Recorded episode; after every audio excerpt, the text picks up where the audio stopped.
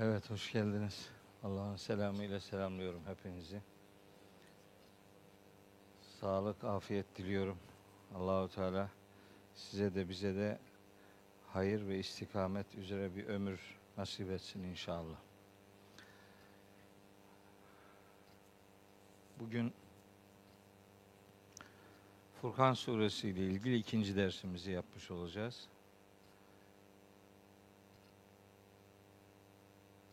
Cenab-ı Hakk'ın inayetiyle bu günleri bize göstermiş olmasının huzuruyla yaşadığımız bu anı değerlendirmek ve bu anın bize imkan olarak verilmesinin kadrini, kıymetini ortaya koyabilmek, görevimizi bir hakkın yerine getirebilmek düşüncesiyle yola koyulduk, yolculuk yapıyoruz. Allah bizi yolsuz ve yolcusuz bırakmasın inşallah.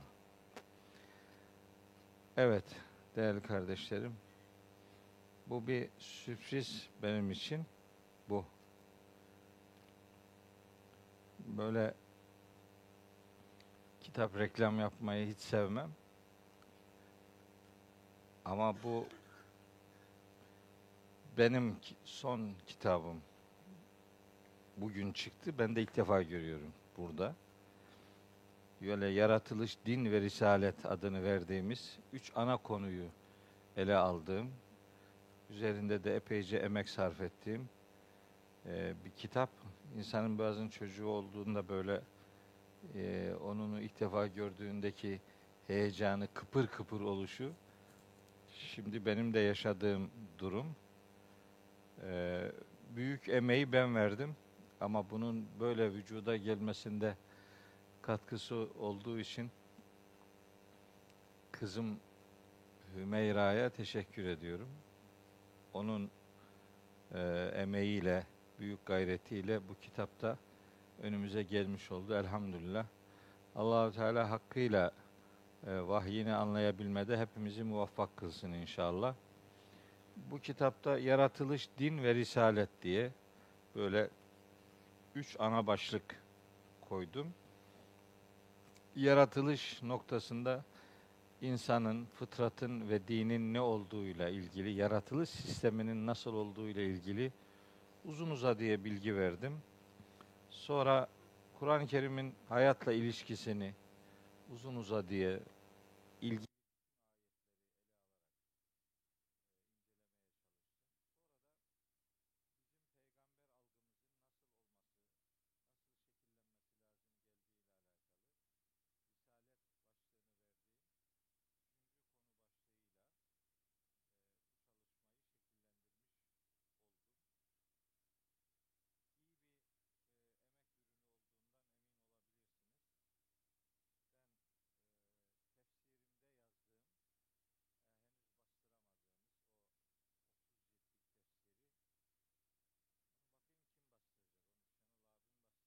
Kemal abim bastıracak.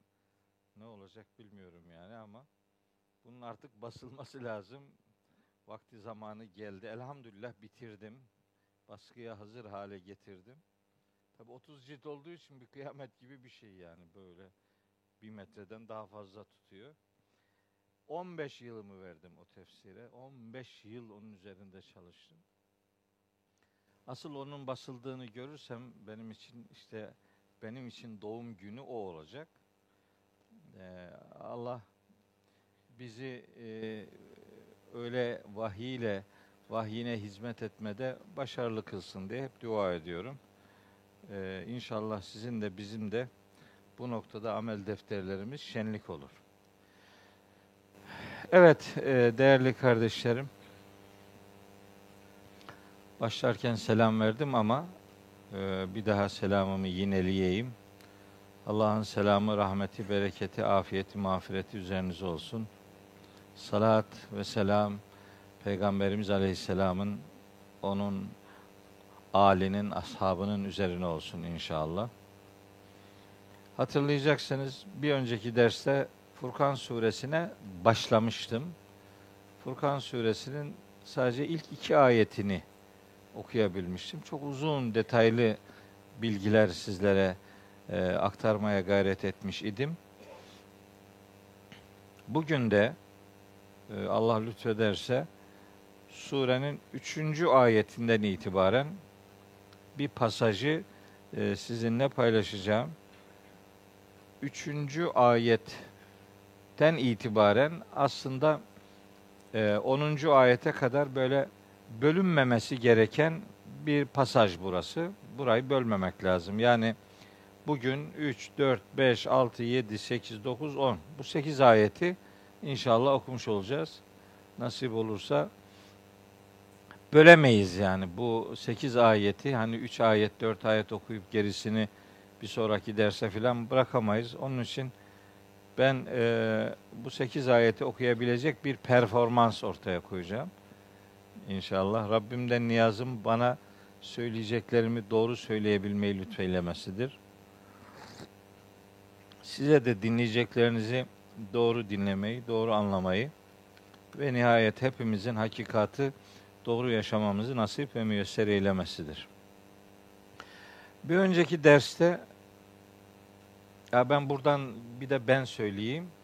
Ee, biz iki haftada bir yapıyorduk dersleri. Onu değiştirdik. Neshettik o uygulamayı. Ee, artık dört haftada bire çıkardık. Niye yaptık? Gidiş gelişten dolayı. Samsun öyle kolay değil ki kardeşim gidip gelmek yani. Çok yorucu bir süreç oluyor. Ee, onun için bir hafta orada Doster'de ders yapıyorum. Bir hafta da burada olunca ben daha başka hiçbir iş yapamıyorum hafta sonları. Halbuki onlarca, yüzlerce istek var sağdan soldan. Zaten iki buçuk sene falan hiçbir yere gitmedik pandemiden dolayı. Şimdi bir takım talepler var onları karşılamak istiyorum ama boş zamanım kalmadı. Okul dönemindeyim. Hafta içi okulda dersim var. Haftada üç gün e, full doluyum yani pazartesi, salı, çarşamba. Bazen perşembeye de sarkıyor derslerim. Doldu yani. Dönem dolunca hiç olmazsa bir hafta, bir hafta sonu boş olsun. istenen yerlere ulaşabildiğim kadarıyla ulaşayım diye mecburen bizim buradaki derslerimizi e, böyle ayda bire dönüştürmüş olduk. Denebilir ki her ayın ilk haftası ya da işte dört haftada bir sizinle birlikte olacağız inşallah. Eskiden 15 günde bir iki ayet okuyordum. Şimdi ayda bir sekiz ayet okurum. Yani o açığı öyle kapatmış oluruz inşallah yani. Evet şimdilik böyle. Daha sonra başka imkanlar olursa yine sizinle birlikte olmaktan sadece huzur duyduğumu belirtmek isterim. Allah sizi bizsiz, bizi sizsiz bırakmasın inşallah. Evet, şimdi ilk iki ayetinde surenin, Furkan suresinin ki Furkan demek, geçen derste uzun uzadıya anlattım. E, hakkı batıldan, doğruyu yanlıştan ayırt edebilen e, metin demektir. Kur'an'ın isimlerinden biridir. Bu surenin ilk iki ayetinde aslında e, Yüce Allah Allah olmasının bazı sıfatlarını bize öğretmişti. Buyurmuştu ki Estağfirullah Tebârekellezî nezzelel furkâne ala abdihi. Allah olmak demek kuluna Furkan'ı indiriyor olmak demektir.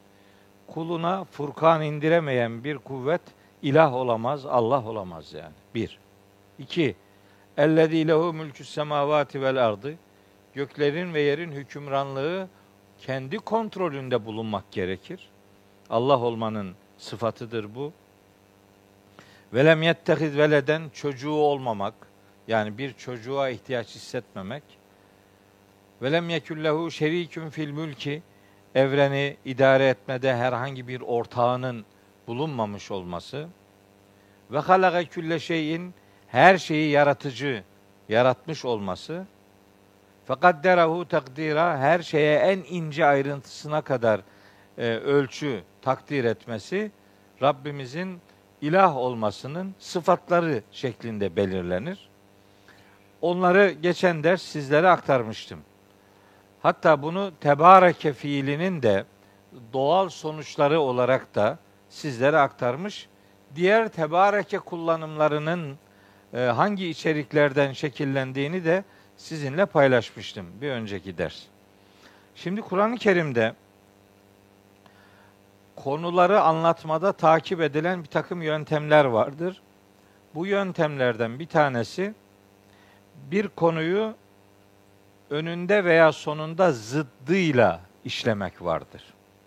Yani ilk iki ayette e, Yüce Allah'ın Allah olmasının sıfatları verilmiş. Şimdi başlayan ayette ise bir ayeti kerimede buna karşılık yanlış ilah algısının ne olduğuna dikkat çekilecek. Buna Kur'an'ın mesanilik üslubu denilir. Mesani olmak. Yani bir şeyi zıddıyla anlatmak. Bir şeyi karşıtıyla ele almak. Yani bu kul e, ürünü olmadığı için Kur'an-ı Kerim, Allah'ın kelamı olduğu için onun anlaşılmasında ondan kaynaklanan bir takım özellikler vardır. Ya bu özelliklere eğer kulak vermezseniz, bu özellikleri gözetmezseniz yanlış sonuçlara varırsınız yani.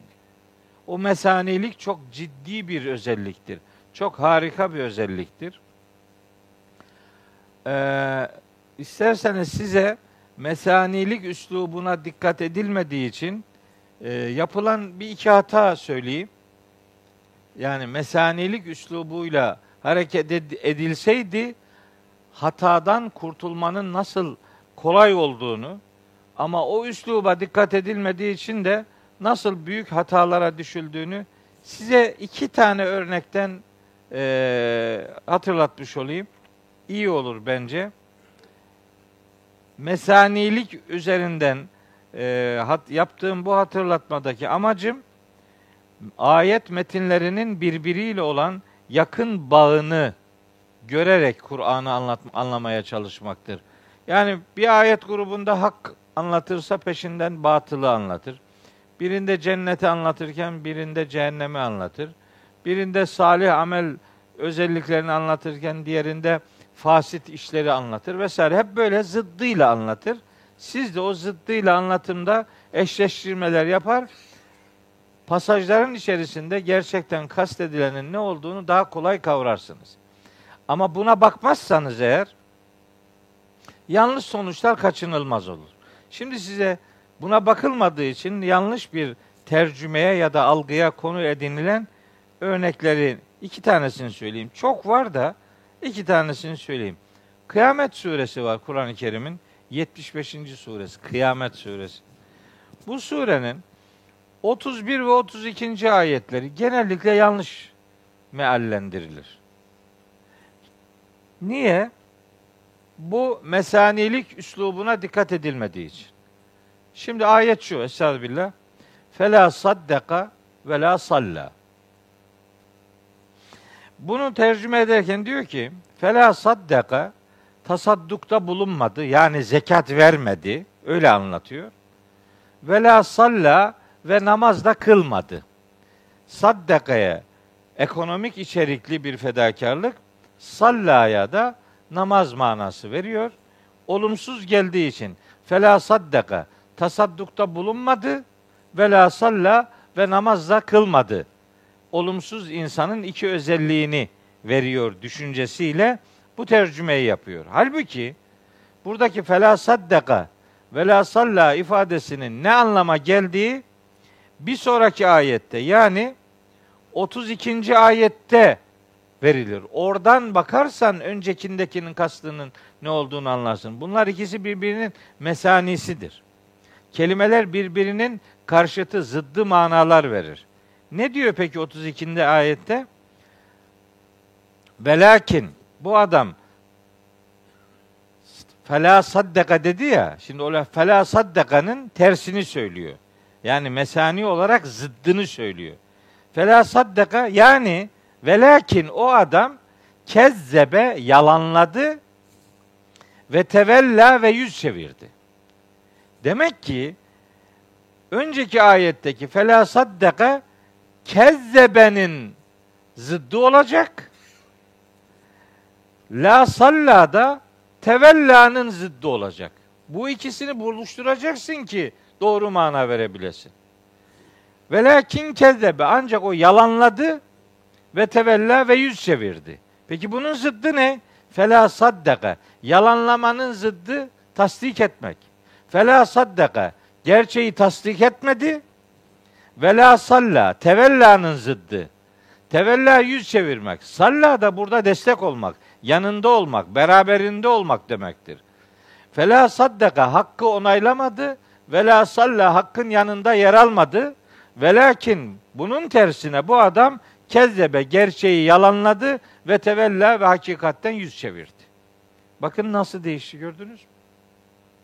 Bu bir 32. ayet okumadan 31. ayetin anlamı öyle sadece sözlüğe bakarak o anlam tercih edilemez. Olmaz o. Dahasını söyleyeyim. Saddaka kalıbı da tesaddaka demek değil ki. Tasadduk etmenin kalıbı tesaddakadır. Burada saddaka yani tasdik kalıbı vardır. Oradan bile anlaşılabilirdi biraz. Fakat hani sözlüğe ilk etapta bakınca sözlük mealciliği yapmanın bir anlamı yok. Bu yanlış yani. Bu sizi hakikate götürmez. Tersine çevirir. Anlamazsınız. Yani inanmayanın adamı, inanmayan bir adamın zekatından veya namazından söz edilir mi? Daha inanmıyor adam ya. İnanmayan adam niye namaz kılmadı denir mi ya? İnanmıyor işte. Önce oradan bakmak lazım. Bu mesanilik üslubuna dikkat edilmediği için bu hata yapılıyor. Biri bu. Bazıları böyle küçümsüyor yani o kadar önemli değil. Nasıl önemli değil? Bal gibi de önemli işte yani. Sözlüğü açıp bakıp meal mi olurmuş Allah'ını seversen yani. Destek olmak, destek vermek, birinden yana olmak. Destek oluyor işte. Evet. Hı hı. Şimdi bir tane daha var. Çok önemli bir tane daha var. O da Nebe suresinde. Öncesine bakmıyor. Neyin zıddı olduğuyla ilgilenmiyor. Pat diye bir tane anlamı öne çıkartıp tercüme öyle yapıyor. Yanlış ama. Bakın bu Nebe suresi çok çok ilginç bir suredir. Surenin efendim 21. ayetinde 21. ayet midir? Evet. İnne cehenneme kânet mirsada. Böyle başlıyor. İşte cehennem böyle gözetlemektedir diyor. Littâgîne meaben azgın insanların durağı olarak cehennem onları gözetlemektedir. La bisine fiha ahkaba orada işte asırlar boyu kalacaktır o azgınlar. La yezûkûne fiha berden ve la şaraba. Orada ne bir e, serinlik ne de hoşa giden bir meşrubat tadabileceklerdir. Yani serinlik de yok, meşrubat da yok orada. Ne var? İlla hamimen ve gassaka. Böyle kaynar su var ve bir de irin var. Cehennemin menüsü bu. Niye böyle cezaen vifaka? Dünyada yaptıklarının tam karşılığı olarak onlara cehennemde bunlar verilecektir diyor. Sonra devam ediyor. Niye onlara bunlar veriliyor? İşte innehum kânû lâ yercûne hesaba. Hesaba inanmıyorlardı. Ve kezzebu bi ayatina kizzaba. Ayetlerimizi yalanladıkça yalanlıyorlardı. Ve külle şeyin ahsaynahu kitaba. Biz de onların üzerine her şeyi bir kitapta onların önüne açık açık teker teker sayıp döktük. Fezuku şimdi tadın bakalım. Felen nezideküm illa azaba. Sizin sadece azabınızı arttıracağız diye cehennemliklerle ilgili bir pasaj veriyor. Şimdi geliyor e, 31. ayete 31. ayet Nebe suresinin 31. ayet yani 21. ayette cehennemlikler ve azgınlar, azgınlardan söz etti. Onlara verilecek olan cezai e, işte sunumlardan söz etti. Şimdi mesanilik var dedim ya. Mesanilik gereği geliyor. Bu defa sözü cennetliklere getiriyor. Önce tağine dedi azgınlar. Muttakine azgın ne demek? Sınır tanımayan adam demektir. Yani Allah'ın dur dediği yerde durmayıp kendi başına buyruk istediğini yapan insan azgın demektir. Tağin. Tağut o kelimeden, o kökten geliyor yani. Azgın. Demek ki şimdi inne lil muttakine. Muttakin kelimesi o tağin kelimesinin zıddı olacak demektir yani. Mesani ya o, o ilişkiyi kuracaksın. O azgın, sınır tanımayan demek. Hani görev ve sorumluluklarına itibar etmeyen adam. Başına buyruk adam demektir. İnne lil muttakine. Muttaki de onun zıddı. Yani duyarlı olan, sorumluluğunu bilen, sorumlu davranan, sorumlu hareket eden kişi demektir. Tağinin zıddıdır yani. İnne lil muttakine mefazen muttakiler için yani takva duyarlı insanlar için büyük bir başarı vardır, ödül vardır yani. Ne var? Ödül şimdi. Hadaika bahçeler var. Hadika bahçe demek, hadaik onun çoğulu. Bahçeler var ve anaben ve üzüm bağları var. Neyin zıddı bu? Önceye geleceğiz. Bakacağız. Ne varmış? Öbür tarafta işte ee, ne serinlik var, ne meşrubat var. İçinde asırlar boyu kalacakları bir cehennem ortamı var. Yani yanılan bir ortam var. E, ateşli bir ortam var. Onun zıddına Allah hani huzur bulunacak bir ortama gönderme yapıyor. Bu defa bahçeler var, üzüm bağları var diyor. Bahçeler, bağlar. Sonra ve kevaibe etraba. Kevaibe etraba. 33. ayet Nebe suresinin. Buna böyle e, çok bağışlarsın, bağışlayın yani. Böyle genç kız çocukları üzerinden bir mana veriliyor. İşte genç kız çocuklarını cennette Allah cennetliklere ödül verecekmiş. Haşa hiç öyle bir şey yok. Niye öyle bir şey yok biliyor musun? Kevaibe etrabenin ne olduğunun karşılığını bu öbür tarafta aramıyor adam. Halbuki onun karşılığı bu yanda var. Beri tarafta onun karşılığı nedir? Orada kevaibe etraba denen şey aslında buradaki işte serinlik ve meşrubatın zıttı bir şey olacak yani. Serinlik vermeyen, içilebilir olmayan cehennem rızık, rızkı var veya işte cehennem sunumu var. Bu onun zıddı. Bu onun zıddı demek içilebilen, e, serinletebilen, e, işte tadı hoş olan bir şey olması lazım bunun. Onun zıddı çünkü. Ne olduğunu söyleyeceğim şimdi biraz sonra. Bir sonraki ayette diyor ki ve ke'sen dihaka. Böyle ağzına kadar dolu kadehler var olacak. Yani meşrubatı içtiğiniz kupalar yani. Ke's. Ke'sen kupa demek. Bu Katar'daki Dünya Kupası'nda reklamları bilmiyorum görüyor musunuz? Orada yazıyor yani. Ke'sül alem diye. Dünya kupası demek. Şenol abi. Ke'sül alem dünya kupası demektir yani. Ee, kes işte kupa demek yani. Ke'sen dihaka. Burada da yani kupa deyince adam yanlış anlıyor. Efendim kadeh deyince hep yanlış anlıyor. Kadeh hep içkiyle anıldığı için yani burada da o mu var kardeşim ya bu bildiğin o buradaki içki değil yani o cennetin meşrubatı. Dolu kadehler bak burada dolu kadehler dedi bu öbür tarafta dedi ki kaynar su ve irin. Bak onun zıddı bu şimdi. Kaynar su ve irinin zıddı dolu güzel kadehler. Efendim e, serinlik ve meşrubat tadı vermeyen şey kevaibe etraba. Kevaibe etrabanın ne olduğu önceki ayetlerde anlatılan şeylerle anlaşılacak. Bir, bir bu, bir şey daha var. Kur'an-ı Kerim Allah'ın kelamıdır. Öyle Ahmet Mehmet'in yazdığı düz bir metin değildir bu kitap.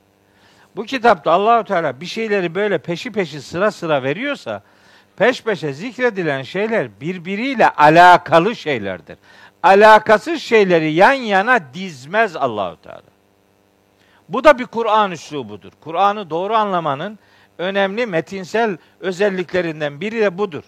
Yani bir, iki, üç, dört, beş tane şey peş peşe zikrediliyorsa bunlar daha çok yemin ifadelerinde de görülür. Orada da birbiriyle alakalı şeyler peş peşe getirilir üslubu bilinmediği için langadak diye hemen sözlüğe bakıyor. Sözlükteki bir mana neyse hemen onu oraya yapıştırıyor. Hani biraz sizi sarsacak bir örnek aklıma şimdi geldi vereyim. Tin suresi mesela. Ve tini ve zeytuni ve turi sinine ve hadel beledil emin. Tercüme. Ve tini ve zeytuni. İncire ve zeytine. Ne inciri ya? Hayırdır ya? Ne inciri? Ne zeytini ya? Ve tini ve zeytuni. Bak ve turi sinineyi anlayacaksın ve hadel beledil emini anlayacaksın ki tini zeytunun ne olduğunu anlayabilesin. Tin ve zeytun Hazreti İsa'nın, Hazreti İbrahim'in, Hazreti Nuh'un Filistin'de vahiy aldığı iki bölgenin adıdır. Tin ve Zeyta bölgeleri. O bölgenin adıdır. Ona incir ve zeytin dediğin zaman adam incirin fazileti diye kitap yazıyor. La havle ve la kuvvete illa billah. Ya incirin fazileti nedir yani incirin fazileti? İncir faziletli de üzüm faziletsiz mi? Hurmanın ne kabahati var? Değil mi? Kivi öyle şaheser duruyor orada. Avokado mesela yani. Ne demek yani meyveleri yarıştırmanın bir alemi var mı? Niye öyle oldu? Çünkü orada tin, zeyt şey, incir demek, zeytun da zeytin demek öyle tercüme ediyor. Olmaz ama ya. Bu Kur'an'ın bir üslubu var. Gözünü seveyim yani. O ona vakıf olman gerekiyor. Ona vakıf olmadın mı yanlışlıklar yaparsın. Başka özellikler de var. Mesela yeminler var ya yemin. İşte vettini ve zeytun o yeminlerden biridir. Öyle birden çok yemin peş peşe geldiği zaman birbiriyle alakalı şeylere yemin edilir. Bazen tek bir şeye yemin edilir. O şeyin ne olduğu da yeminden sonraki cümleyle anlaşılır. Yeminden sonraki cümle veya cümleler nereden söz ediyorsa baştaki yeminden kastedilen de onunla alakalı bir şeydir. Bunlar Kur'an üslubu. Ve necmi idâ heva ma dalle sahibukum ve ma gava battığı zaman yıldıza yemin olsun demesin mi ya? La batan yıldızın neyine yeminin? Battı zaten, karardı. Yani kararan, batan, kayan yıldıza yemin mi edilirmiş ya?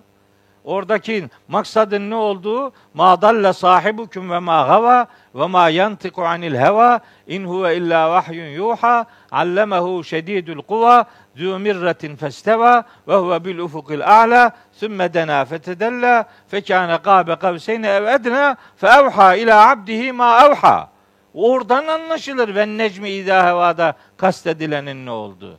Ve necmi idâ heva peyderpey, aşama aşama, yavaş yavaş indirilen vahye yemin olsun. Necim vahiy parçacıkları demek. Bunlar Kur'an üslubu ya. Buna dikkat etmedin mi? İşte başka şeyler oluyor. Ne oluyor? Nebe suresi 33. ayette cennette küçük kızlardan söz edildiği varsayılıyor. Hiç alakası yok. Hiç alakası yok. Bu, bu ayeti okuyup da dinden çıkanın haddi hesabı yok. Ayeti değil, mealini böyle okuyup da yani. Bir genç çocuk diyor ki bu cennetten bana ne yani? Bu nedir yani? Bu, bu ne anlatıyor? Bundan bana bir şey yok ki diyor mesela. Niye ben cennetin bir ödülü olayım da ben ödül almayayım diyor mesela yani. Haklı haklı sorular. Sonra bunu kıvırıp duruyoruz işte. Savunmaya çalışıyoruz. Neyini savunacaksın? Bu tercümenin savunulabilir bir tarafı yok. Kevaibe etraba demek yuvarlak. Ka'b yuvarlak demek yani. Yuvarlak, kavisli. Etraben de o da toprakla alakalı. Turap var ya toprak. Etrap toprakla alakalı yumru bitkiler demektir ya. Topraktan çıkan, toprakla ilişkili, topraktan çıkan yumru toprak bitkileri. Yani turp gibi, yani topraktan büyüyen yumru, yuvarlak şeyler. O yuvarlaklıktan işi evirip çevirdiler, bir bedensel özelliğe işi dönüştürdüler. Alakası yok kevaibe etraba o şeye e, berden ve la şeraben illa hamimen ve gassakanın karşılığıdır.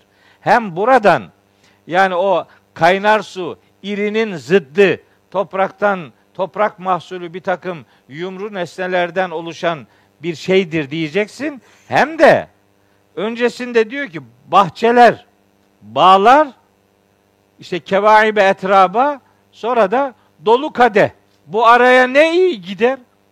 Yani bahçeler, bağlar, bahçe, bağ gibi hatta kevaibe etrabenin böyle birbiriyle uyumlu üzüm salkımları manası da var. Üzüm salkımları. Kevaib, üzüm salkımları etraba birbiriyle uyumlu. Hani gördüğünde üzüm salkımı manası daha çok oturur. Çünkü e'naba kelimesi var hemen bir öncesinde. E'naben üzüm bağı demektir.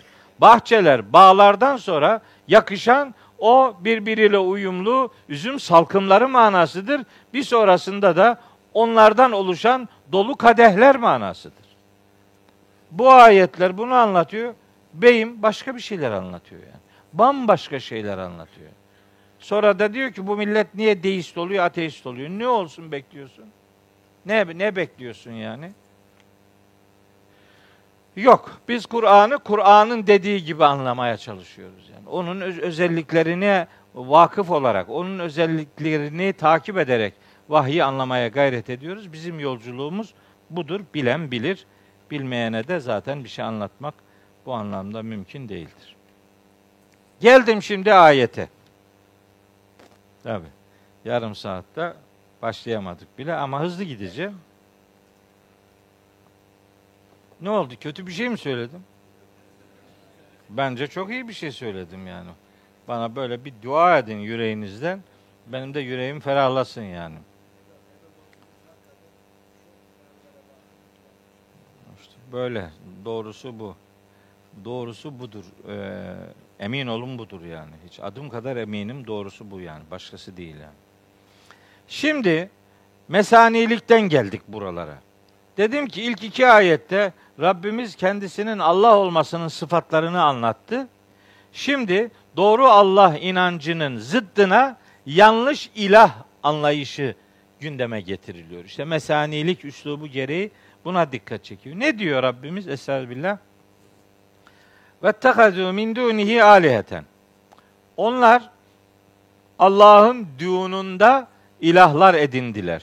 Burada da bir tercüme e, inceliğine ufaktan temas edeyim. Min dunihi ifadeleri var Kur'an-ı Kerim'de. Min dunihi, min dunillahi. Böyle çok görürsünüz. Kur'an'da çok var yani. O tercüme edilirken ondan başka, onun dışında, o sanki yokmuş da başkaları varmış anlamı verilen tercümeler te, e, tercih edilir. Halbuki min dunihi ondan başka manasından ziyade hani öyle deyince de bu da yanlıştır demek istemiyorum. O da kısmen doğrudur ama aslında min dunihi demek başka ayetlerin de yardımıyla yani onun düğününde demek. Yani onun aşağısında demek. Bu tercüme vakaya daha uygundur. Şunu kastediyorum. Mekkeli müşrikler zannedildiği gibi silme dinsiz adamlar değiller. Yani bunlar inanç adına herhangi bir şeyi hiç benimsemeyen insanlar filan değiller. Müşrik demek zaten ortak koşan demektir. Yani bir, bir merkezde bir kabul var. Ona e, ona bir takım ortaklar nispet ediliyor. Ona ortaklar nispet edildiği için bu işi yapana müşrik deniliyor ve bu işlemin kendisine de şirk deniliyor. Mekkeli müşrikler en tepede bir Allah inancına sahipler zaten.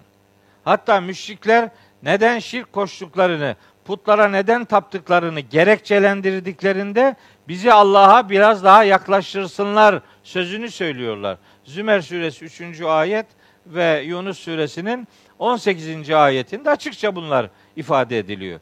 Dolayısıyla müşriklerin konu edinildiği bağlamda eğer bu min dunihi, min dunillahi ifadeleri varsa Allah'tan başka değil de Allah'ın peşi sıra, onun peşi sıra tercümesi daha doğrudur. Yani vakaya daha doğrudur. Daha uygundur. Onlar başta tepede bir Allah inancını zaten benimsiyorlar. Hatta Hazreti Peygamber'i suçlarken de sen Allah'a iftira ediyorsun diye suçluyorlar yani. Allah bir şey indirmedi sen uyduruyorsun bunu diyorlardı. Dolayısıyla bu tür ayetlerdeki min dunihi ifadesini Allah'ın peşi sıra diye anlamak daha doğrudur. Nitekim bu Furkan suresinin 68. E, ayetinde ve Kaf suresinin 26. ayetinde maksadın bu olduğu şu kullanımlarla ortaya konuluyor. Mesela vellezine la yed'une ma'allahi ilahen ahire. Allah'la beraber başka bir ilaha yalvarmayanlar. Bak Allah'la beraber yani Allah inancı var tepede peşinden başka ilahcıklar getiriyorlar. Bu Furkan suresi 68. ayet. Kaf suresinin 26. ayetinde de ellezî ceale meallahi ilahen ahire. Allah'la beraber başka bir ilah edinmek. İşte Mekkeli müşriklerin durumunu anlatan kullanım bu iki ayetten istifadeyle min dunihi beyanlarına verilecek manayı bizim için biraz daha berraklaştırıyor. Allah'ın peşi sıra. Dün demek aşağısı demek zaten. Düğününde demek altında demektir. Ya dünya da oradan geliyor aşağı. Yani insanlara insanların içinde bulunduğu hayat demek yani. Yakın hayat, aşağı hayat demek. O değersiz hayat demek değil, yakın demektir. Yakın. Yok kas sistemi insanlar arasındaki ilişki için kullanılıyor. Yani ilahlar ne derler ona? Pentaonu mu diyorlar? Ne diyorlar işte böyle en tepede en büyüğü var. Aşağıda biraz daha küçüğü, daha aşağıda bir. Ben geçen ders anlatmıştım size. Mekkeli müşriklerin telbiyesi var demiştim. Telbiye adam lebbeyk Allahümme lebbeyk diyor ya.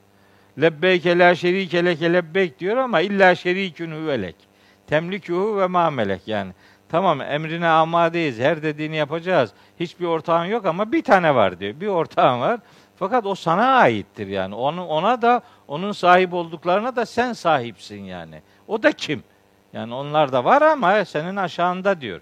Yani müşrik demek Allah inancı olup Allah inancına başka şeyleri ortak isnat eden adam demektir.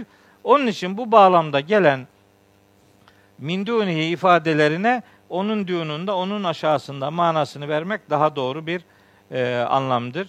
Onu ifade edeyim. Ne yapmış bunlar? Bir, Allah tek ilahtır. Bunlarsa vettehazu min duni aliyeten birden çok ilahlar ediniyorlar. Yani ilah tek olmayı gerektirir. Allahu Teala tek kudrettir. Onun peşi sıra bir takım üstün güç e, nispetinde bulunulan varlıklar aliyeten çoğul gelir. İlahlar.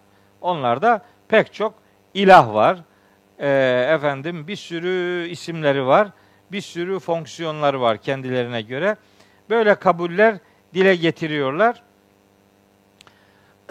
Şöyle ayeti kerimeler var Kur'an-ı Kerim'de. Mesela Allahu Teala bu müşrikleri kınadığı bir ayetinde Saat suresinde diyor ki: "Ece'alel alihete ilahen vahida." Mekkeli müşrikler peygamberimizle didişiyorlar. Onun peygamberliğini kabul etmeme gerekçelerini dile getirirken diyorlar ki: Ece'alel alihete ilahen vahida. Bu peygamberimiz için diyorlar. Bu Muhammed aleyhisselam e, ilahları tek bir ilaha mı indirgiyor? Bu ne acayip bir iş. Bu olacak iş değil diyorlar. İşte çünkü onlarda bir çoklu ilah algısı var. O algıyı peygamberimiz tevhidle ortadan kaldırdığı için peygamberimizi reddetme gerekçesi olarak onu söylüyorlar. Saat suresi 5. ayette. Halbuki Kur'an-ı Kerim'de Allahü Teala buyuruyor ki iki tane ayet var çok önemli. Bilirsiniz, duymuşsunuzdur. Biri Enbiya suresinin 22. ayeti. Lev kâne fîhima âlihetun illallahu lefesedeta. Yerler, yerde ve göklerde birden çok ilah olsaydı yerde gökte fesada uğrardı diyor. Hatta Müminun suresinin 71. ayetinde buyuruyor ki Yüce Allah Mettehazallahu min veledin Allah hiçbir şekilde çocuk edinmemiştir. Çocuğu yoktur. Ve ma kâne min ilahin onunla beraber herhangi bir ilah da yoktur asla. İden olsaydı ledehebe küllü ilahin bima halaka. Her ilah kendi yarattığıyla ilgilenir. Onun yani onun peşine gider onunla ilgilenir. Ve le ala ba'duhum ala ba'dın her bir ilah bir başkasına üstün gelmeye gayret ederdi. İşte bozulurdu. Sistem bozulurduya getirilen bir ifade hem Enbiya suresi 22. ayette hem Müminun suresi 71. ayette söz konusudur. Allahu Teala ilahlar anlayışını reddediyor tek ilahın karşısında zikredilen ilahlar anlayışı tevhidi zedeleyen bir anlayıştır. Mek şöyle Zuhruf suresinde bir ayet-i kerime var. Orada e, diyor ki Rabbimiz peygamberimize dedirtiyor ki Kul in kâne lirrahmani veledun de ki Rahman için bir çocuk olsaydı eğer fen evvelül abidin ona kulluk edenlerin ilki ben olurdum. Peygamberimize dedirtiyor. Yani Mekkeli müşrikler melekleri Allah'ın kızları sanıyorlardı. Hatta yine Mekkeli müşrikler Allah'la cinler arasında bir nesep bağı olduğunu ve Allah'ın cinlerden bir takım kız çocukları ve erkek çocukları olduğunu düşünürlerdi. En En'am suresi 100. 101. ayetlerle Saffat suresinde bunu anlatıyor Allahu Teala. Böyle bir nesep bağı ortaya koyuyorlar. Yani Allah'a bir babalık nispet ediyorlar. İhlas suresinin 3. ayetinin birinci cümlesi bu iddiayı reddediyor. Lem yelit. Lem yelit. Allah çocuk edinmemiştir. Allah çocuk sahibi değildir. Kim ki Allah'ın çocuğu vardır, Hz. İsa'ya Allah'ın oğlu diyenler, Hz. Üzeyr'e Allah'ın oğlu diyenler ya da meleklere Allah'ın kızlarıdır diyenlerin hepsini reddediyor. Lem yelit ifadesi. Allah çocuk sahibi değildir. Lem yelit demek lem yettehiz veleden demek yani. Allah çocuk edinmemiştir. Mettehazallahu min veledin. Allah hiçbir çocuk edinmemiştir. Maksat Allah'ın baba olmadığını vurgulamaktır. Etraftaki, karşıdaki insanlar öyle inandığı için o inancı reddediyor. İşte Zuhruf suresinde de surenin 81. ayetinde de buyuruyor ki Kul inkâne rahmani veledün. De ki eğer Rahman'ın bir veledi, bir oğlu, bir çocuğu olsaydı fe evvelül abidin. Ona kulluk edenlerin ilki ben olurdum. Diyerek bunun ne kadar mümkün, imkansız bir kabul olduğunu, ne kadar yanlış bir e, inanç biçimi olduğunu deşifre ediyor. Bir sürü ayet var. Daha böyle ilk bir çırpıda aklıma gelenleri sizinle paylaşmış olayım. Bu ifade tek Allah inancına karşı müşriklerin benimsediği çok tanrıcı e, inancı ortaya koyuyor ve bunun benimsenmemesi gerektiğine dikkat çekiyor. Ve bunların ilah diye kabul ettiği varlıkların bir takım özelliklerini sayıyor. Şimdi önce kendisinin özelliklerini saymıştı ilk iki ayette. Şimdi müşriklerin edindiği ilahlar noktasında onların ilah edindiği varlıkların bir takım acziyetlerine gönderme yapıyor. Diyor ki Yüce Allah, La yahlukune şeyen. Onlar hiçbir şey yaratamazlar. Bakın bu neyin zıddı? Bir önceki ayette ve halaka külle şeyinin zıddı işte. Mesanilik ilişkisini oradan kurmak lazım. La yahlukune şeyen. Hiçbir şey yaratamazlar. Oysa Allah ve halaka külle şeyin. Her şeyi yaratmıştı. Allah olmak her şeyi yaratmış olmayı gerektiriyor. Bir şey yaratamıyor olmak ilah olamamanın bir göstergesidir. La yahlukune şeyen. Hiçbir şey yaratamazlar. Niye? Ve hum yuhlakune. Çünkü onlar kendileri yaratılıyorlar. Yaratılan şey yaratıcı olabilir mi? Daha en başta tepeden şeyi bitiriyor yani. Kapat. Dükkanı kapat diyor. Yaratılan şey mabud olamaz. Halik olamaz. Yaratılan mabutluğa layık değildir. Oradan Mekkeli müşriklerin ilah, Allah inancı yerine koydukları ilah inancını reddediyor. Bakın Kur'an-ı Kerim'de çok özel bir takım ayetler var. Onların sadece numarasını, yerini söyleyeyim. Detayına girmeyeyim. Detayına girirsem bitiremem. Mesela Araf suresi 191 198. Mesela Rahat suresi 16. Çok önemli bu Rahat suresi 16. Mesela Nahil suresi 17 ve 20. Mesela Hac suresi 73. Mesela Fatır suresi 40.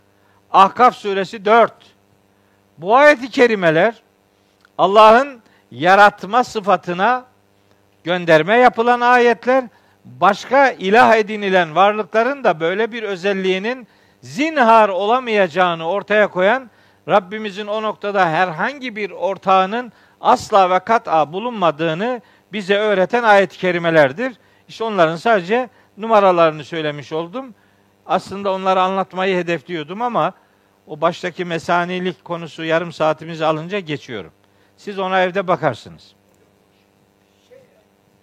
Hiçbir şey. Hiçbir şeyi. İcat etmek başka bir şey, yaratmak başka bir şey. Yaratmayla alakalı bunun yoktan var etme boyutu.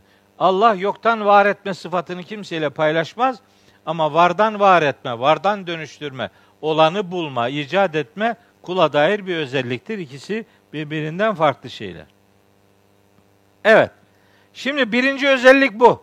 Hiçbir şey yaratamazlar çünkü kendileri yaratılıyor.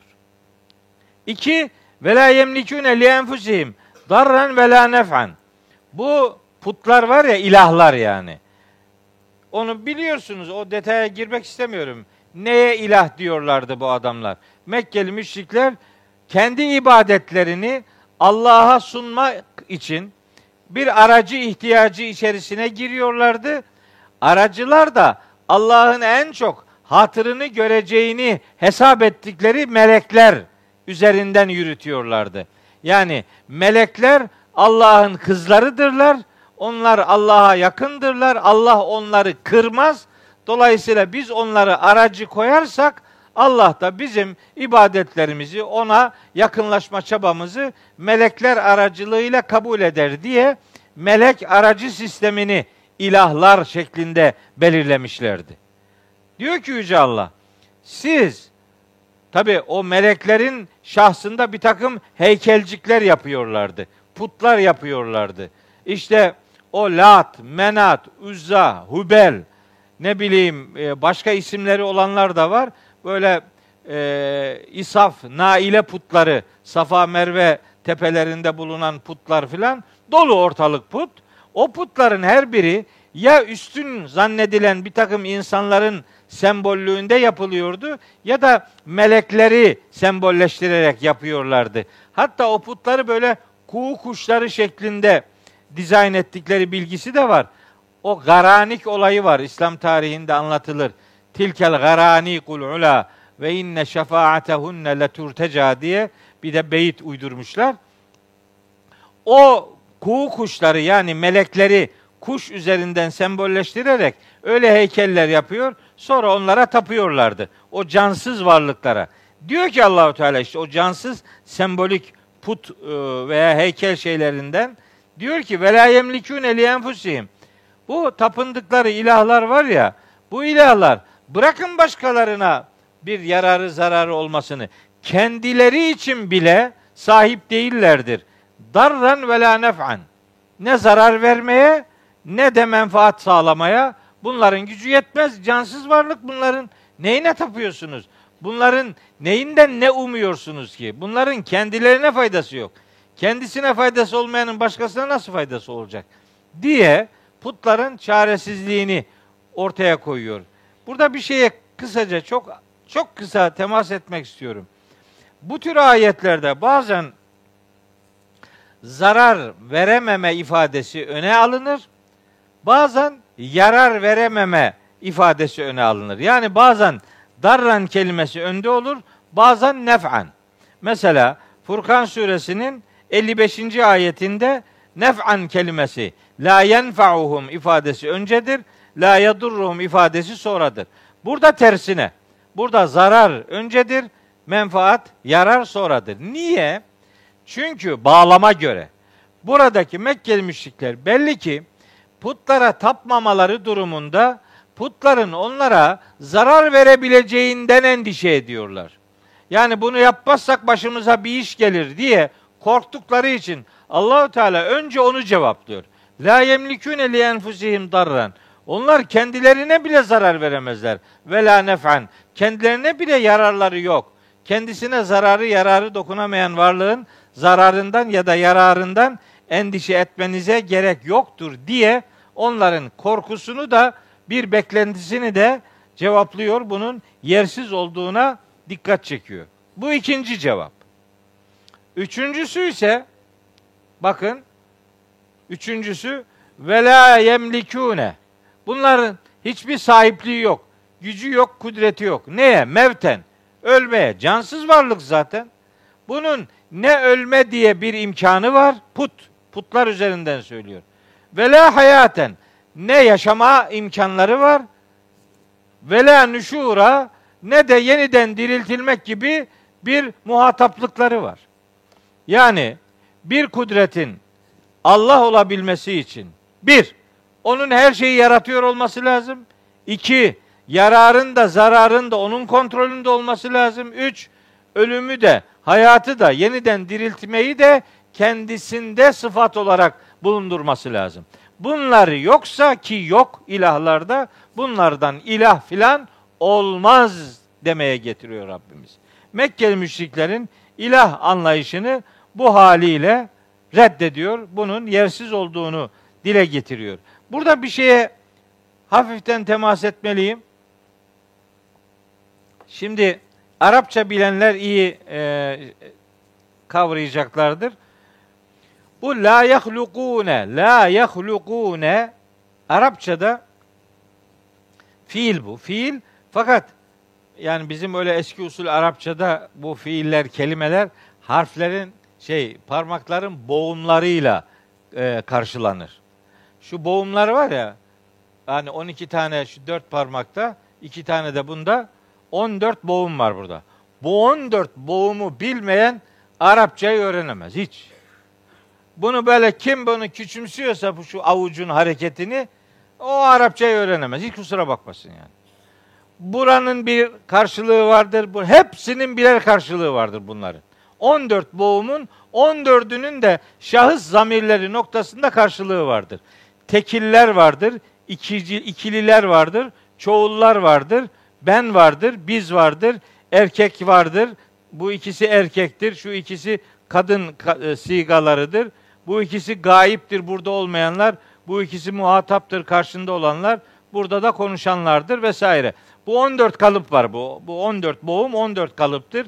Bu 14 boğumun şurası bu la yahlukune diyor ya.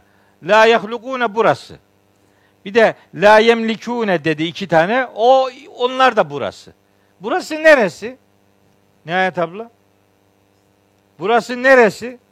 Burası üçüncü e, şahısların çoğul kalıbı. Erkek üçüncü çoğul şahıs. Onlar yani.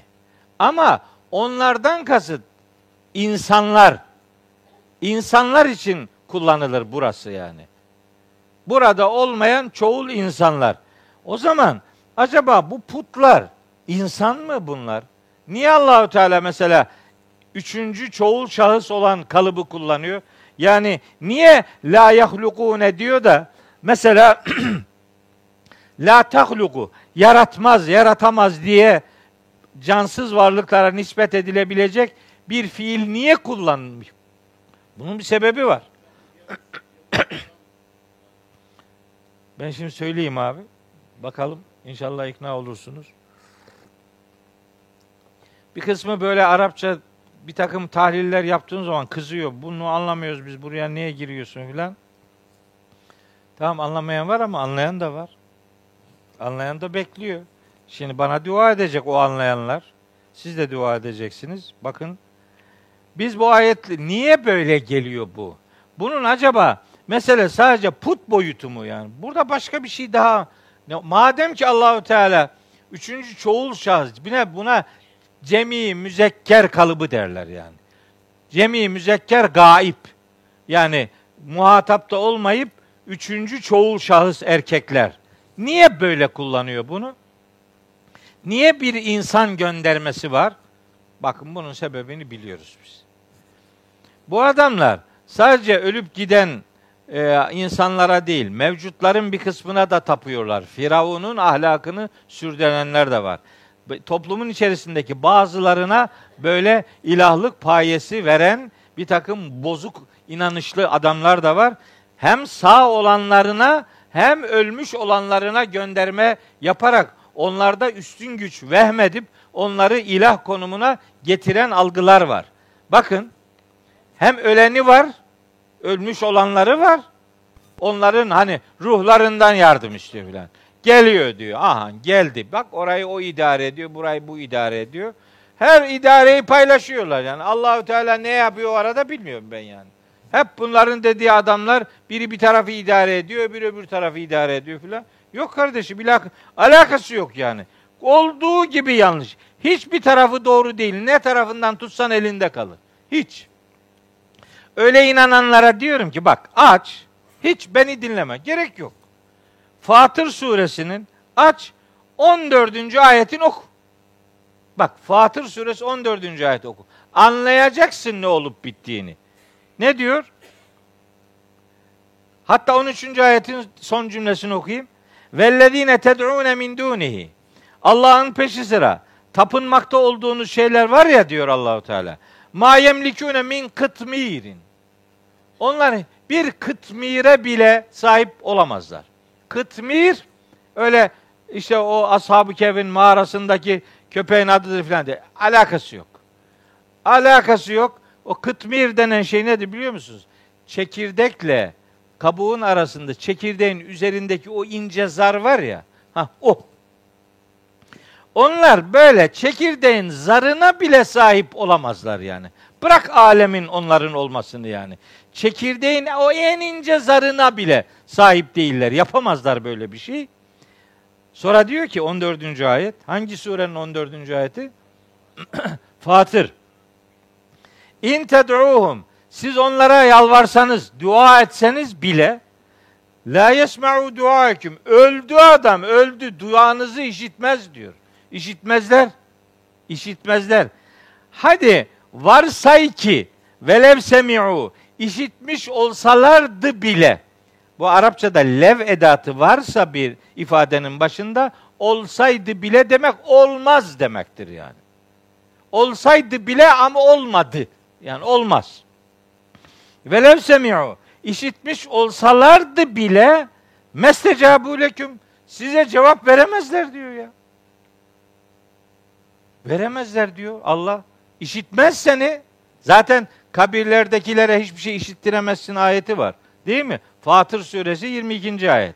Bizimki işittiriyor yukarıdan aşağıya. Ve ma ente bimusmi'in men fil kubur.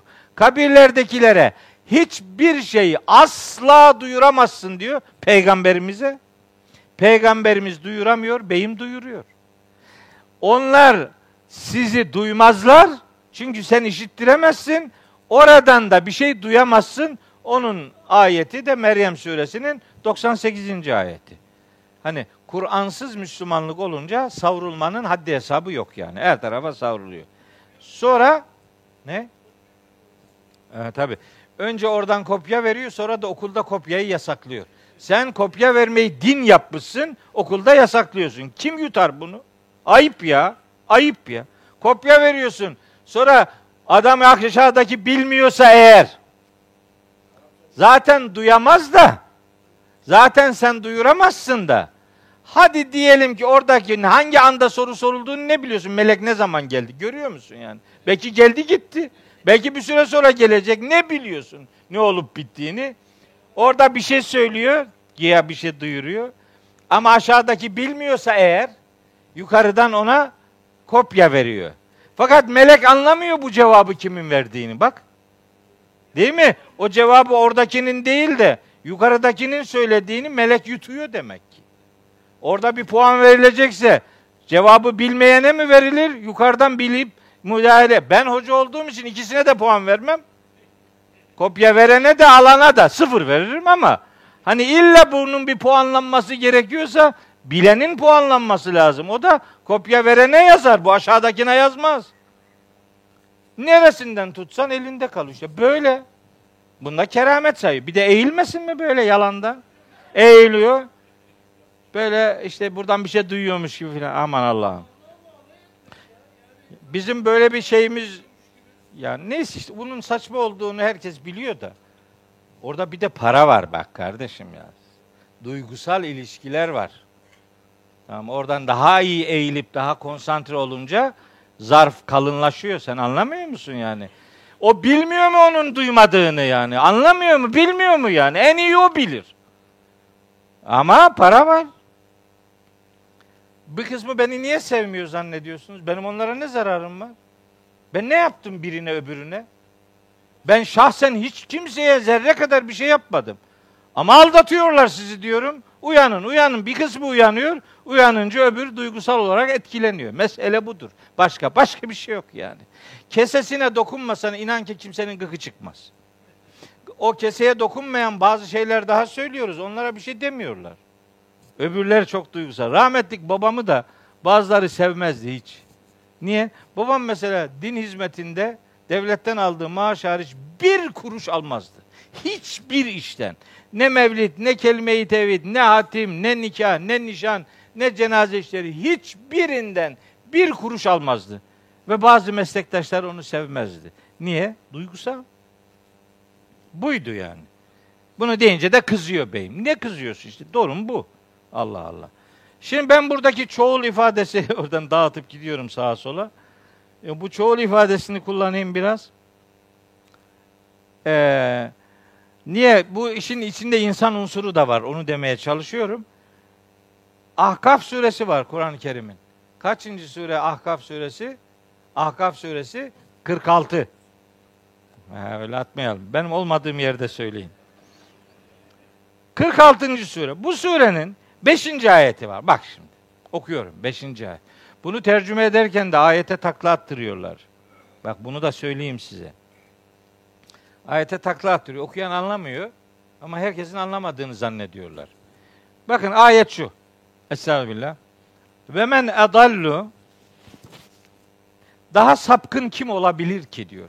Yani en sapkını budur demek istiyor. Men adallu daha sapkını kim olabilir ki? Kimden daha sapkın? Mimmen yed'u dua edenlerden, yalvaranlardan. Kime? Kime dua ediyor? Kiminle alakalı yalvarması var? Min dunillahi. Allah'ın peşi sıra şunlardan. Min dunillah. Bak gene aynı min dun ifadesi var. Allah'ın peşi sıra dua edenlerden. Kime? Kime dua ediyor? Men. Men. Men edatı Arapçada insanlar için, canlı varlıklar için, canı ve ruhu olan varlıklar için kullanılan bir ismi mevsuldür. Men canlılar, insanlar için kullanılır. Tabi Allahü Teala için de kullanılır ama burada konu insanlar olduğu için insanlara yalvarıyor. İnsanlara dua ediyor. İnsanlara yalvarandan daha sapkını kim olabilir? Hangi insanlara yalvarıyor? Kime yalvarıyor? La yestecibu lehu ila yevmil kıyameti.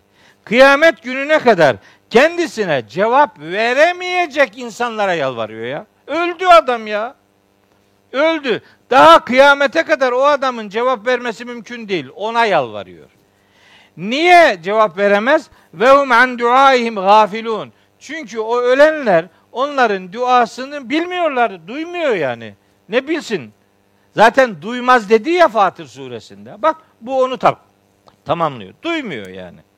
Sonra 6. ayette diyor ki ve izâ huşiren nas mahşerde insanlar bir araya toplandıkları zaman kanu lehum a'daen o kendilerine yalvarılan, dua edilen ölmüşler var ya onlar kendilerine dua eden, yalvaranlara kanu lehum a'daen düşman olacaklar.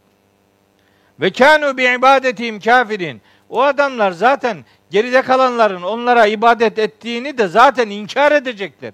Ya yok biz biz ibadet edilen bir varlık değiliz. Bunlar uydurup duruyor diye o insanlara ölmüş gitmiş insanlara dua edip duranlar en sapkın adamlardır diyor. İnanmayan atsın Ahkaf suresinin 5. ve 6. ayetlerini okusun. Benim bir şey dememe gerek yok. Al Allah'ın kitabını oku görürsün ne olup bittiğini. Nerelerde neler yıkılıyor fark edersiniz yani. Siz ne zannediyorsunuz? Bunlar Kur'an'ın anlaşılmasından niye rahatsız oluyorlar? Niye meal okumayın diyorlar? Niye sen Kur'an okuma anlamazsın diyorlar? Niye dert ne? Çünkü biliyor ki okursan anlarsın ve onun yalan söylediğini fark edersin. İyisi mi okuma, anlama, ehliyet alma, bizim arabaya bin diyor sana adam işte bu. Bizim arabaya bin ömür boyu ben senden geçineyim işte. Öyle değil mi? Öyle yürüyor yani. Yoksa benim kendime davet ettiğim hiçbir konuşmamı duydunuz mu Allah aşkına yani? Beni dinleyin. Benim kitaplarımı okuyun. Benim derslerime gelin. Benim programlarımı dinleyin. Sakın başkasını dinlemeyin. Asla ve asla demedim. Ben diyorum onları da dinleyin.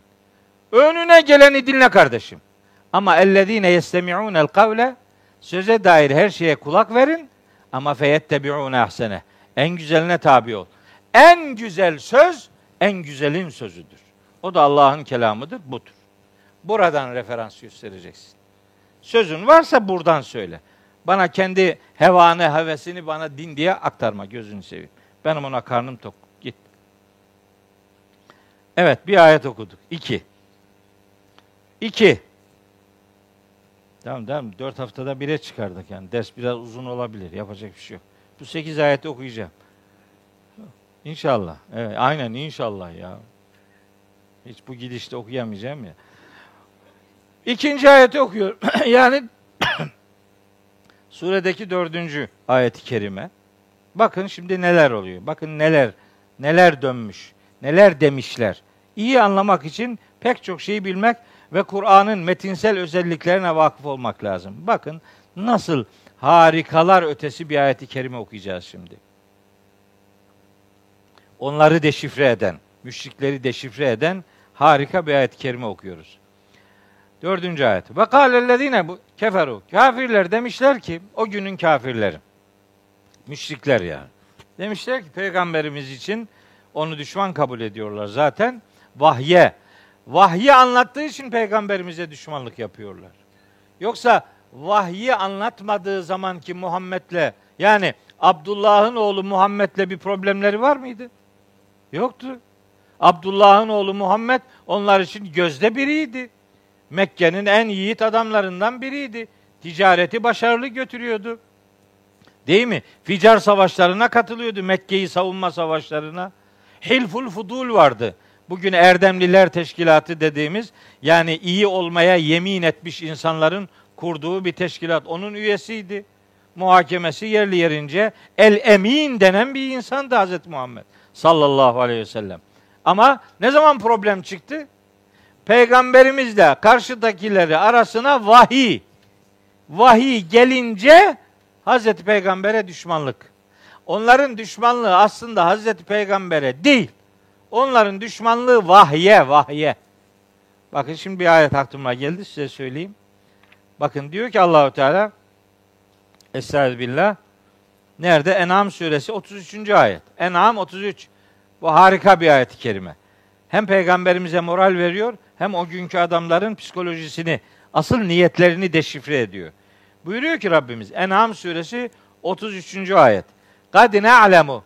Biz biliyoruz. İnnehu le yahzunu kellezî yekulun. Bu adamların söyleyip durdukları şeyleri yani seninle ve vahiy ile alakalı neler dediklerini biz gayet iyi biliyoruz. Fe innehum bu adamlar yani Mekkeli müşrikler la yükezzibuneke aslında seni yalanlamıyor bu adamlar. İnnehum la yükezzibuneke seni yalanlamıyor bunlar. Velakinne zalimin ancak bu zalimler bi ayatillahi yechadun. Bunlar Allah'ın ayetlerini inkar ediyorlar. Bunların problemi ayetlerledir, seninle değil. Ayetleri aradan çıkar, problem kalmaz. Aynen bugün vahyi savunanlarla onlara karşı duranların pozisyonu da böyle. Yani ayeti yani konuşturma, konuşmasın adam sorun yok. Değil mi? Mesela ben televizyonlara pek çıkamıyorum. Niye? Çıkama, çıkmayınca sorun yok tamam bitti. Hiçbir şey yok yani. Ne olacak yani? Abi gözünü seveyim sen öyle oradan ayet buraya bana gönderme. Oradan ayet gönderdi mi ben oraya dalarım bunlar kalır. Bunlar kalır. Öyle beni tahrik edip durma. Öyle beyin yekadüllezine keferüye girdim mi ben daha çıkamam buradan. Bana böyle sakın bir şey demeyin. Zaten zaten zor tutuyorum kendimi. Sağa sola gitmemek için hiç bana hiç bana müdahale etmeyin gözünü seveyim. Evet. Demek neymiş? Bu adamların problemi neymiş yani? Bunların problemi bak burada. Ve kâlellezîne keferu. Kafirler, o kafirler demişler ki in hâzâ illa ifkün ifterahu. Şimdi gene Arapçaya gönderme yapacağım. Mecburum. Bu, bu kitap Arapça yani.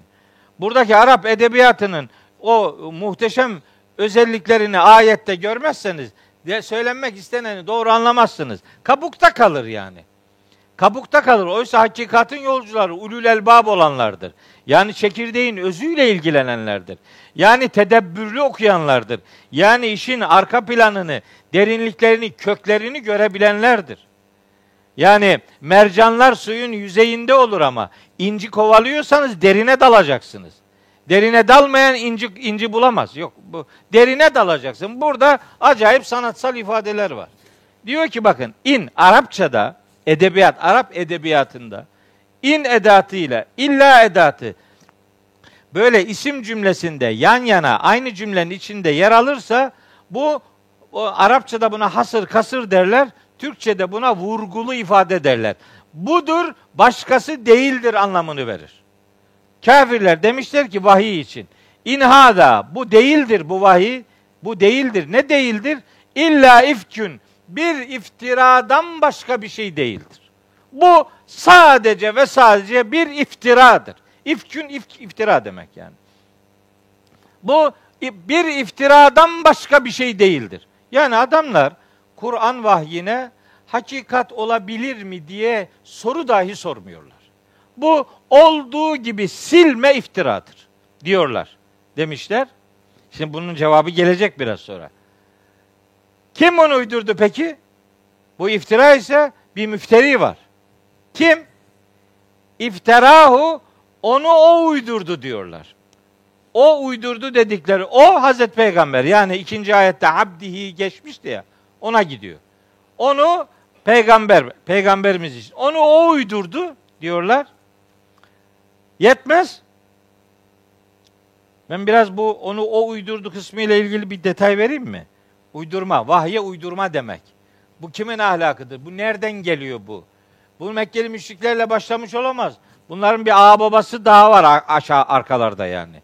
Daha var o geliyor bir bir damar o yani. O damar geliyor onlara kadar hala şimdi de devam ediyor yani. Ayıp ettin. Mesela eee vahyin uydurma olduğunu söylediklerini bize bildiren çeşitli ayet-i kerimeler var. O ayetlere girmiyorum. Yani bir tanesi burada var yeter. Fakat bu mesela Hud suresi 27. ayette Müminun suresinin 25 ve 38. ayetlerinde Hazreti Nuh'a ve Hazreti Hud'a yönelik kavimleri yalancı, müfteri suçlamasında bulunuyorlar o yalancılık ve müfterilik suçlaması normal hayat ilişkilerindeki söylemleriyle alakalı değil. Vahiy adına söylediklerini Allah'a iftira ettiklerini düşünüyorlar. Yani Allah velev Allahu yani ve ma enzeler rahmanu min şeyin ma nezzelallahu min şeyin yani Allah hiçbir şey indirmedi yalan konuşuyorsunuz. Yasin'de var ya ve ma enzeler rahmanu min şeyin in entum illa tekzibun. Peygamberlere diyorlar ki Rahman hiçbir şey indirmedi. Yalan konuşuyorsunuz siz. İşte bu yalanlama eski peygamberlere yönelik de onların ümmetleri, inkarcı ümmetleri tarafından peygamberlere yönlendirilmiş, yöneltilmiş bir takım suçlamalardır. Bütün peygamberlere de işte bu suçlamayı yapıyorlar. Yasin suresi 15. ayetten biz bunu biliyoruz. Şimdi bu Mekkeli müşrikler Kur'an'a Hazreti Peygamber'in uydurması diyorlar. Pek çok ayeti kerime var. Bunu sen uyduruyorsun diye. Kur'an'a öncekilerin masallarıdır diyorlar. Bir, bir, bir sonraki ayette gönderme var ama başka daha dokuz tane, dokuz ayettir bu. Esatirül evvelin, öncekilerin masalları suçlaması Kur'an'a yönelik bu suçlama daha dokuz ayette geçiyor. Birini biraz sonra okuyacağız burada. Geçmişten gelen bir büyü diyorlar Kur'an'a. İn hâzâ illa sihrun yu'ser. Müddessir suresinin 24. ayetinde. Bu vahiy denen şey bir beşerin sözüdür. Eskiden beri nakledile gelen bir büyüdür diyorlar. Kur'an'a büyü diyor. Mekkeli müşrik. Müşrik kafa Velid bin Mughire böyle diyor. Apaçık bir büyüdür diyor. Bu ondan fazla ayette geçiyor. Bu vahiy olarak peygamberimiz için diyorlar. Bunun söylediği şeyler karma karışık rüyalardır, hayallerdir diyorlar. Edgâsu ahlamin. Enbiya suresinin 5. ayetinde geçiyor. Adgâtu ahlamin. Böyle karma karışık rüyalar, hayallerdir diyorlar.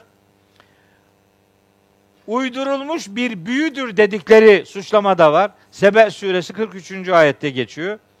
Eski bir yalandır suçlamaları var. Ahkaf suresi 11. ayette geçiyor. Bu bir beşerin sözüdür. Nahil suresi 101 102. ayetlerle Müddessir suresi 25. ayette geçiyor. Ee, ve bütün bu suçlamaları Kur'an-ı Kerim biraz sonra okuyacağımız ayetiyle Rabbimiz tarafından tabi reddedilecek. Ha bu red, red ifadeleri biraz sonra okuyacağımız ayette bir örneği var ama başka ayetlerde de var. Mesela Kur'an'ın şeytanın sözü olmadığını Allahu Teala Tekvir suresi 25. ayette söyler. Kur'an'ı vahyi şeytanların indirmediğini şu Ara suresi 210, 211, 212. ayette söyler. Hiçbir şairin, hiçbir kahinin sözü olmadığını Hakka suresi 41, 42. ayette söyler. Kur'an'ın hiçbir şekilde şaka ve lakırdı olmadığını Tarık suresi 14. ayette söyler. Yani Mekkeli müşriklerin vahiy adına dile getirdikleri bir takım suçlamaları Allahu Teala çeşitli surelerde, çeşitli ayetlerde reddediyor, cevaplıyor.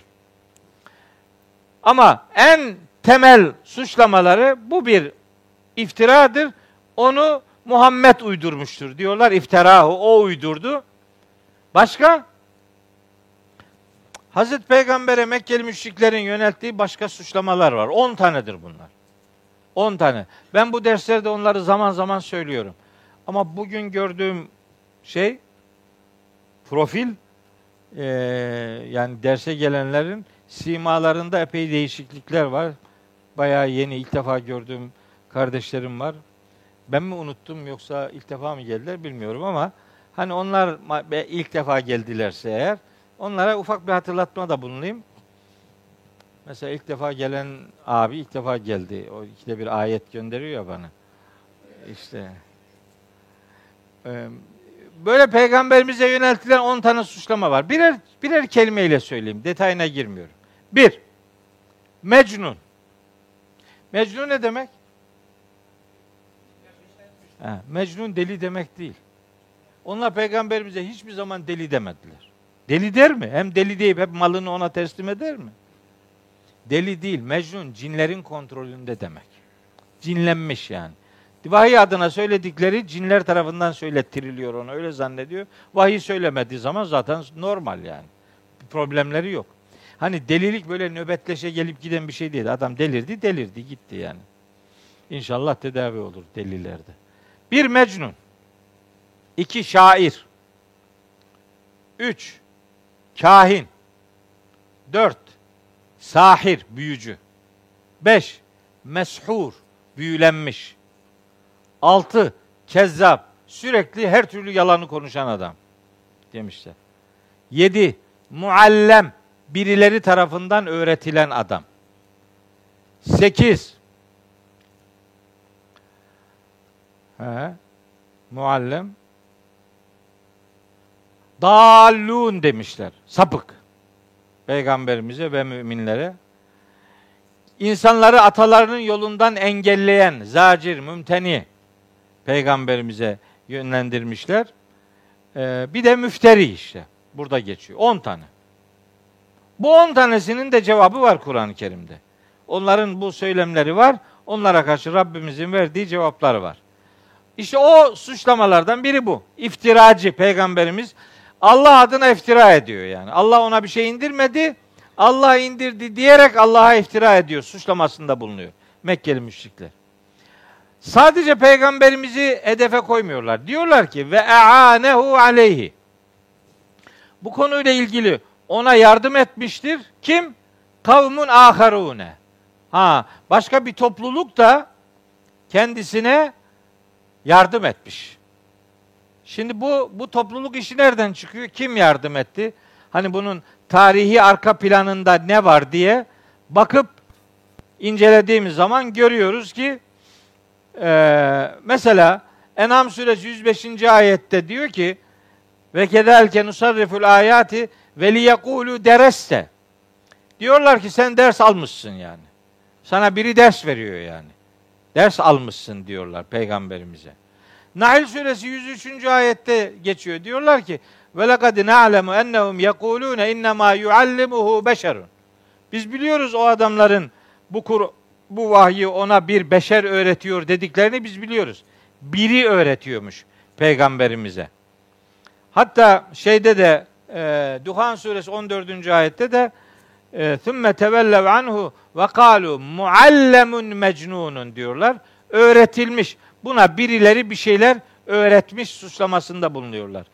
Bu tabi ayet-i kerimede kimlerin neyi öğrettiği ile alakalı bir detay yok. Rivayetlere bakıyoruz. Rivayetlerde işte bir takım ee, ben o rivayetleri yazdım. Rivayetleri size ana hatlarıyla aktarabilirim. Mesela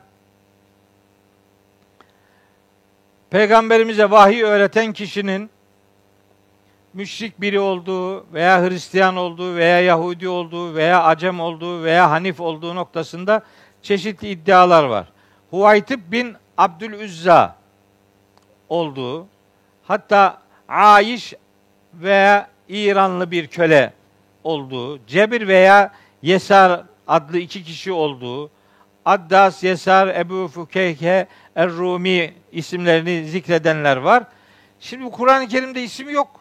Ben de bu isimlerden şu doğrudur, diğerleri yanlıştır diyemiyorum yani. Ayette olmadığı için. Ama ayette bir grup ona yardım etti dendiği için anlaşılıyor ki birileri yardım etti. Ha adamların adı çok mühim olsaydı Allahu Teala onları söylerdi. Söylemediğine göre biz bu adamlar acaba kimdi diye böyle kılı kırk yararcasına isim tahlili veya isim araştırması yapmamıza gerek yok. Birilerinin peygamberimize bunu öğrettiğini iddia ediyor Mekkeli müşrikler. Şimdi devam ediyor ayet-i kerime. Fakat ca'u zulmen ve zura. Bunu söyleyenler bu fakat ca'u zulmen ve zura ifadesi iki türlü anlaşılabilir. İki türlü. Biri bu e, ifade yani vahyi peygamber uydurdu, Muhammed uydurdu ve bir grup da ona yardım etti diyenler bu sözü de onların kendi cümlelerinin devamı olarak getirmiş olabilirler. Yani bu Kur'an'ı işte o uydurdu, ona bir grup da yardım etti. Böylece fakat ca'u zulmen ve zura büyük bir haksızlık ve büyük bir yalan ortaya koydular. Bu suçlamayı dile getirenler peygamberimize yardım edenleri suçlamaya devam ederek fakat ca'u zulmen ve zura onlar ona yardım etmekle haksızlığa ve yalana vardılar. Haksızlık yaptılar, yalana ortak oldular. Onlar da yalan ürettiler diye suçlamayı yapanların sözü olarak anlaşılabilir bu. Fakat ca'u zulmen mezura ifadesi. Bu ifade Yüce Allah'ın bir e, değerlendirmesi de olabilir. Yani onlar dediler ki bu vahyi Muhammed uydurdu. Bir grup da ona yardım etti. Buna karşılık Allahu Teala demiş olabilir ki fakat ca'u zulmen ve zura. Bu suçlamada bulunanlar açık bir haksızlık ve bir yalana vardılar. Açık bir haksızlık yaptılar ve yalan konuştular. Durum böyle değildir diye. Fakat ca'u zulmen ve zura ifadesinin iki türlü metin olarak anlaşılabileceğini bu vesileyle sizlere ifade edeyim. Devam ediyorum şimdi.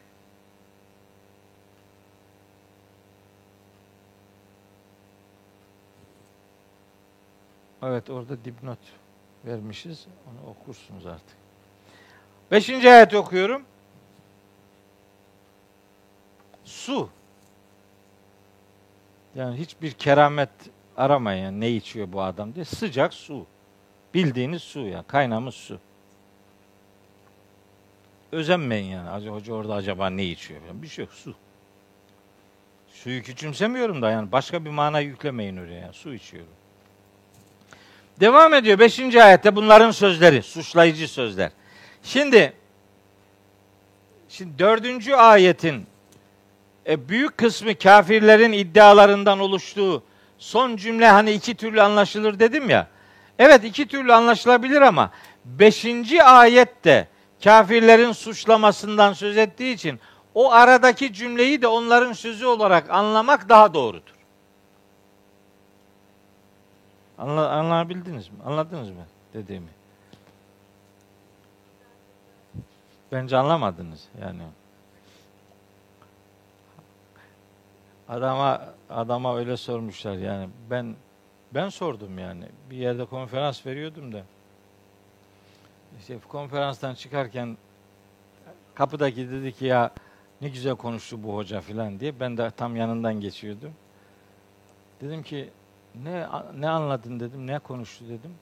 Adam bir sinirlendi ki sağır mısın dinleseydin dedi bana. Yani benim olduğumu anlamadı. Uzaktaydı. Nereden tanırsın adam? Dedim ki ya o konuşan bendim dedim. Merak ediyorum. Ben ne dedim dedim. Bunu söyler misin? O ne demedin ki dedi yani. ne demedin ki deyince zaten bitti. Daha bir şey yok. Yani. Anladım adım anladım diyor. Ne anladın? Hadi bakalım. Bir anladığını söyle bakalım işte. E, ben hadi tekrar edelim. Et tekraru ahsen diye. Velev kâne 180. Yarısı Arapça, yarısı Türkçe bir tekerleme üretmişler. Yani dördüncü ayette vahiy suçlama konusu edindi ya Mekkeli müşrikler. Bunu Muhammed ve uydurdu ve ona bir grup yardım etti dediler. Bu bir iftiradır. Vahiy değildir yani. O arada fakat cauzul mezura. Böylece bir haksızlığa ve yalana vardılar ifadesi. Hem onların sözü olabilir dedim hem de bu iddiayı dile getirdikleri için Allahü Teala onları reddetmiş olabilir. Bir ara cümle olabilir. İki ihtimalli de düşünülebilir. Fakat Değil mi ki 5. ayette onların sözünün devamıdır? O zaman o aradaki haksızlığa ve yalana vardılar ifadesini yine müşriklerin sözü olarak anlamak, bağlama daha uygundur yani. Şimdi anlaşılmıştır. İşte daha tekrarlama. Ve kalü demişler ki esatirul evveline ha bu var ya bu vahiy için söylüyorlar. Bu vahiy denen şey suçluyorlar. Alay ediyor yani. Esatirul evveline. Öncekilerin masallarıdır bu. Masal. Bu masal yani vahye öncekilerin hikayeleri, masalları suçlaması Kur'an-ı Kerim'de biraz önce söylemiştim. Dokuz defa geçiyor. Bu suçlamanın geçtiği her yerde suçlamanın sahibi rivayetlerden anlaşıldığına göre Nadir bin Haris adıyla geçiyor. Nadir bin Haris işte Haris'in oğlu Nadir vahye eskilerin masalları suçlaması, rivayetleri hep bu adam üzerinden yürüyor. Fakat şimdi diyelim kaç tane rivayet var? Bir sürü rivayet var. Bu kadar rivayet varsa demek ki bunlar doğrudur. Demek bir metottur. Ama ben o metodu e, madem bu kadar var demek ki doğrudur şeklinde kabul edenlerden değilim. Ben başka kriterlerim var. Yani. Şimdi bu nüzül sebebi rivayetleri var ya, duydun, duy, duyuldu. Hepiniz bilirsiniz yani. Yani ayetin veya ayetlerin inişine neden olan olay veya olaylar. Şimdi bu olaylara bakıyorsunuz. Tabi diyelim ki bir ayetin birden çok nüzül sebebi de olabiliyor. İşte ikisi de sahih olabiliyor, sahih denmiş oluyor falan. İkisi de sahih olmaz da sahih denmiş oluyor. Birini diğerine tercih ettirecek bir sebep bulunamıyor filan. Böyle bir takım yani rivayetleri ayetle nüzül sebebi noktasında buluşturmak için çok önemli uygulanması gereken bir kriter olduğuna inanıyorum ben.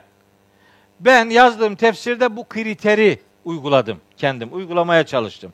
Ne kadar uygula, uygulayabildiysem. Bir nüzül sebebi rivayeti. Buradaki rivayete gönderme yapacağım da onun için söylüyorum. Bir nüzül sebebi rivayeti. Eğer şu altı noktada ayetle uyumluysa başım gözüm üstüne onu kabul eder. Hangi noktalar? Bir, rivayette veya rivayetlerde, nüzül sebebi, iniş sebebi olarak aktarılan rivayetlerde kullanılan fiiller ayette kullanılan fiillerle uyumlu mudur? Fiiller uyumlu mudur? Bir. İki, isimler, kelimeler uyumlu mudur? Yani bir rivayette bir adam, öbür rivayette iki adam, ayette üç adam diyorsa olmaz. Fiiller, fiillerin zamanları, şahıslar uyumlu olacak. İki, zamirler uyumlu olacak. Yani ayette hu zamiri varsa rivayette de hu olacak. Ayette hu varken rivayette ha varsa olmaz. Ayette hu varken rivayette hum olmaz. Olmaz yani. Uyum olacak. Kelimeler, fiiller, isimler uyacak. Zamirler uyacak. İki. Üç. İsmi mevsul dediğimiz edatlar. Onlar uyacak. Yani ayette ellezi ise rivayette de ellezi olacak. Ellezi ne olmayacak? Elleti olmayacak. Ellati olmayacak yani. İsmi mevsul. Ayette men ise rivayette de men olacak. Ayette men rivayette ma olmaz. İsmi mevsul uyacak. Beş, ismi işaretler uyacak. Ayette hada ise rivayette tilke olmayacak. Zalike olmayacak yani. Hadihi olmayacak. Ayetteki ismi işaret neyse rivayette de o olacak. Altı, zaman ve mekan göndermesi varsa birbirine uyumlu olacak. Yani birinin geçmiş zaman dediğinde ikisi de geçmiş zaman olacak. Birinde gelecek zaman göndermesi varsa öbüründe de o, o olacak. Bu altı uyumu ararsanız nüzul sebebi rivayetlerinin hangisi doğruduru tercihte sıkıntı yaşamazsınız. Yoksa şimdi bu rivayette bunun bu ayetin nüzul sebebi olarak aktarılan rivayetlerde yoğunlukla bir kişi üzerinden gidiyor. Nadir bin Haris dedi ki Gale Nadir bin Haris diye diyelim öyle geçiyor. Olmaz. Niye? Rivayette kale, ayette kalu. Bak çoğul. Tekil, çoğul, fiil uyumu yok bu rivayette. O zaman diyeceğiz ki Nadir bin Haris demiş olabilir ama demek ki başkaları da demiş. Tek bir kişiye indirgediğin zaman rivayetle ayet uymaz birbirine. Bu uyumu sağlamak için o altı noktadaki uyumu göreceğiz. Görmeden yanlış gider. Öyle sloganik gider yani. Bir şey dersin Allah kabul eder mi bilmem. De demiş olursun. Meselenin böyle olduğunu sizinle paylaşmak arzu ettim. İşte dediler ki bu öncekilerin eskilerden beri gelen bir takım masallardır filan. Suçlamaya bakın şimdi. İktetebeha. Ha. Bunlar peygamberimiz için diyorlar ki işte o vahiy olan ayetleri yani metinleri iktetebeha. Onları o yazdırdı. Peygamberimiz yazdırmış. Şimdi önce o uydurdu dediler. Bir grupta yardım etti dediler. Tutmadı. Bu defa yok. Kendisi yazdırdı. Birine yazdırıyor. Kendisi yazdırdı. Hatta bu iktetebe fiiline yazmak manası verenler de var. Kendisi yazdı. İktetebe yani ketebe yani iktetebeye yazma manası veriyor. Yazdı veya yazdırdı. Önemli değil. Önemli değil. Onların inkar ettiği şey ne? Bu vahiy Allah'tan gelmiyor. İster peygamber onların diliyle söyleyeyim. İster Muhammed yazsın, ister yazdırsın, ister onu ona biri öğretsin. Fark etmez. Onların inkar ettikleri mesele onu bir beşerin üretmesidir. Yani Allah'tan inkar ettikleri değil, iddia ettikleri bu. İnkar ettikleri de bu vahiy Allah'tan değildir. O yani. Onu benimsiyor vatandaş. Vahiyleri o yazdırdı, iktetebeha o yazdırdı veya yazdı. Şimdi buraya burada bir şey daha gündeme geliyor. Ya işte karışıyor iş. Bir şey derken e, çok hesap etmek lazım. Bu nereye gidiyor? Hani bir taraftan da Hazreti Peygamber ümmiydi diyorsun. Evet ümmidir. El hak doğrudur. Tabii ümmidir de. Ümmilik okuma yazma bilmemek demek değil. Gözünü seveyim. Hem öyle de hem iktidebe yazdı de. Oldu mu şimdi yani?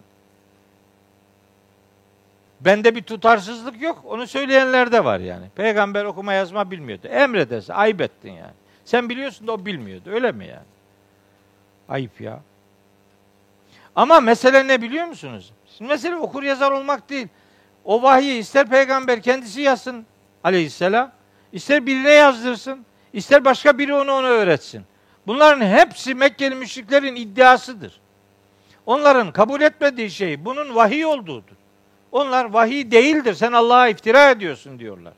Geri kalan o uydurdu bu uydurdu. Mühim değil ki. O yazsa ne olur ona yazdırılsa ne olur yani. Sonuç değişmiyor. Adamlar vahyin iftira olduğu iddiasını sürdürüyorlar. Önce vahiyleri o yazdırmış peygamberimiz güya. Feyye sonra o yazdırdığı vahiyler tümle aleyhi bükreten ve asıyla.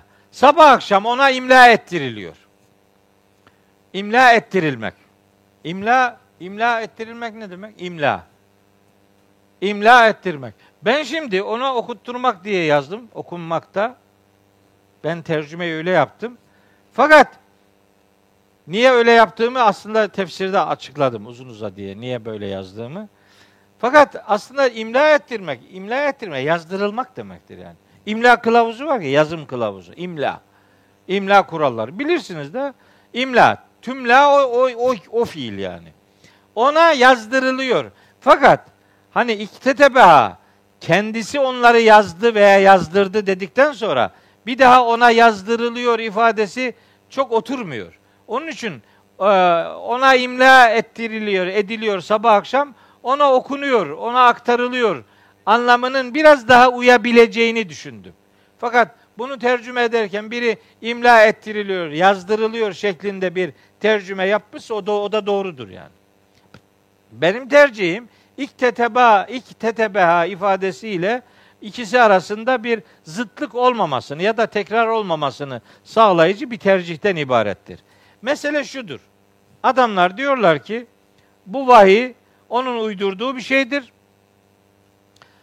Ee, yazıyor veya yazdırıyor veyahut da önce kendisi birilerine yazdırıyor, sonra da ona yazdırılıyor. Kendisi yazıyor bu defa. Sabah akşam yazdırılıyor.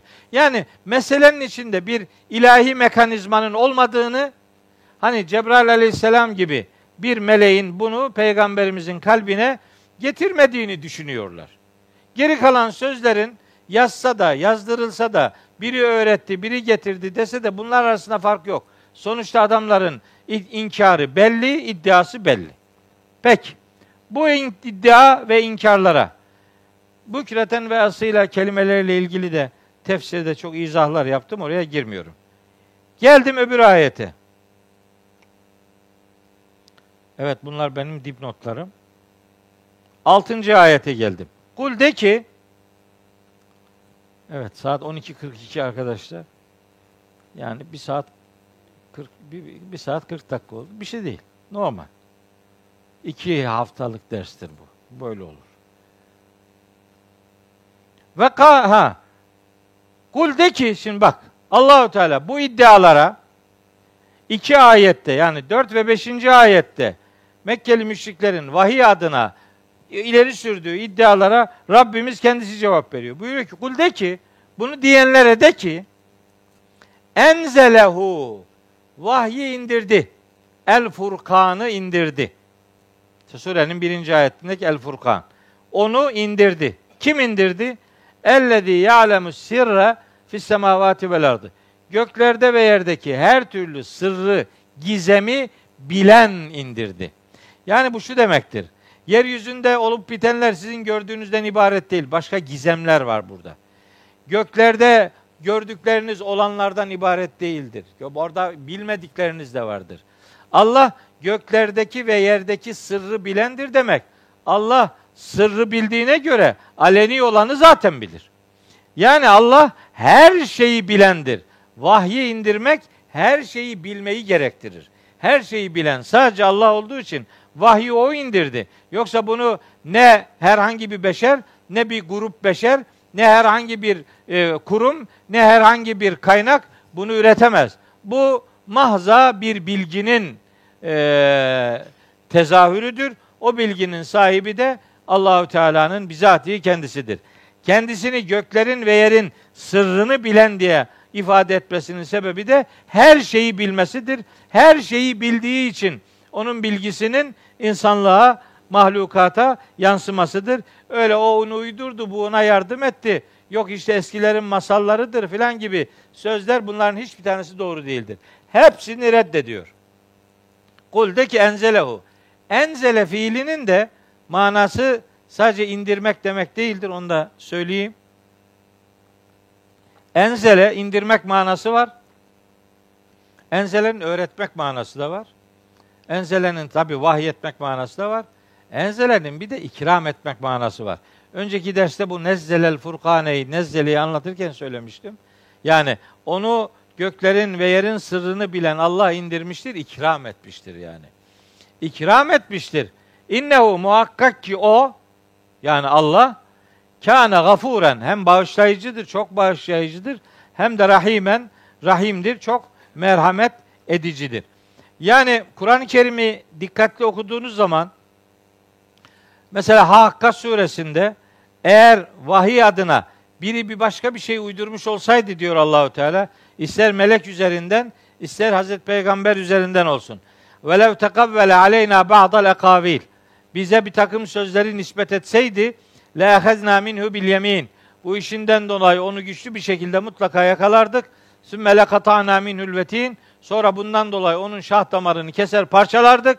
Fema minkün min ahadin anhu hacizin. İçinizden hiç kimse de bize engel olamazdı diyor Allahu Teala. Yani vahiy adına kimse yani bunu peygamber uydursa hani Allah ona torpil geçmez. O ayette yani Hakka suresi 44, 45, 46, 47. ayetler. 4 ayet o. O ayetler peygamberimiz üzerinden veriliyor. Orada diyor ki eğer bir şey iftira etse onun şah damarını keser parçalarız. Yunus suresi 15. ayette diyor ki yani bu kitabı değiştir ya da başka bir kitap getir diyorlar peygamberimize. O da diyor ki Kul ma yekunu li en ubeddilehu min tilqai nefsi. Ben onu kendi nefsimden de- değiştirecek gücüm yok. İn ettebi'u illa ma yuha iley. Ben sadece bana vahyolunana tabi olurum. İnni ahafu in asaytu rabbi azabe yevmin azim. Eğer isyan eder, yanlış bir şey yaparsam o büyük günün azabından korkarım diye Rabbimizin kelamıyla peygamberimiz duruşunu ortaya koyuyor. Bu Hakka suresinin ayetlerini böyle ifade edeyim. Kur'an-ı Kerim tabi bir beşer sözü olmadığının başka ispatları var. Kur'an'da mesela meydan okuma ayetleri var. Meydan okuma ayetleri. Bu ayetlerin genel adı tehaddi. Tehaddi deme haddini bildirmek. Sınırını bildirme. Beş ayettir bunlar. Bu beş ayet insanlara haddini bildirir. Yani meydan okuyor Allahu Teala. Önce e, 50-60 surelik meydan okuyor. İsra suresi 88. ayette bir de e, Tur suresinin 34. ayetinde. Sonra Hud suresi 13. ayette 10 surelik meydan okuyor. Sonra Yunus suresi 38. ayette ve Bakara suresinin 23-24. ayetlerinde bir surelik meydan okuyor. Hani madem bunu Muhammed uydurdu diyorsunuz. Madem bir grup da ona yardım etti diyorsunuz. Yani madem ki bu uydurulabilir bir kitaptır. O zaman hadi uydurun. Bir sure getirin bakalım hadi bakalım. Önce 50-60 surelik meydan okuyor. Onu hep bütün Kur'an meydan okuyor diye biliyorlar. Öyle değil. O ilk meydan okuma ayetleri İsra suresindedir. O zaman da 60-70 sure aralığı gelmişti. O kadar gelmişti yani. Maksimum 70 surelik meydan okuma var. Onu yapamadılar. 10 sureye indirdi. Onu da yapamadılar. Mekke'de bir sureye indirdi Yunus suresinde. Onu da yapamadılar. Sonra Bakara suresinde gene bir surelik meydan okumayı tekrarlıyor. Sonra da yapamadınız, yapamayacaksınız. Öyleyse şöyle bir ateşe karşı korunaklı olun diye e, uyarıda bulunuyor. Demek ki bu bir beşer sözü değil. Bunu bir mahluk ortaya koyamaz.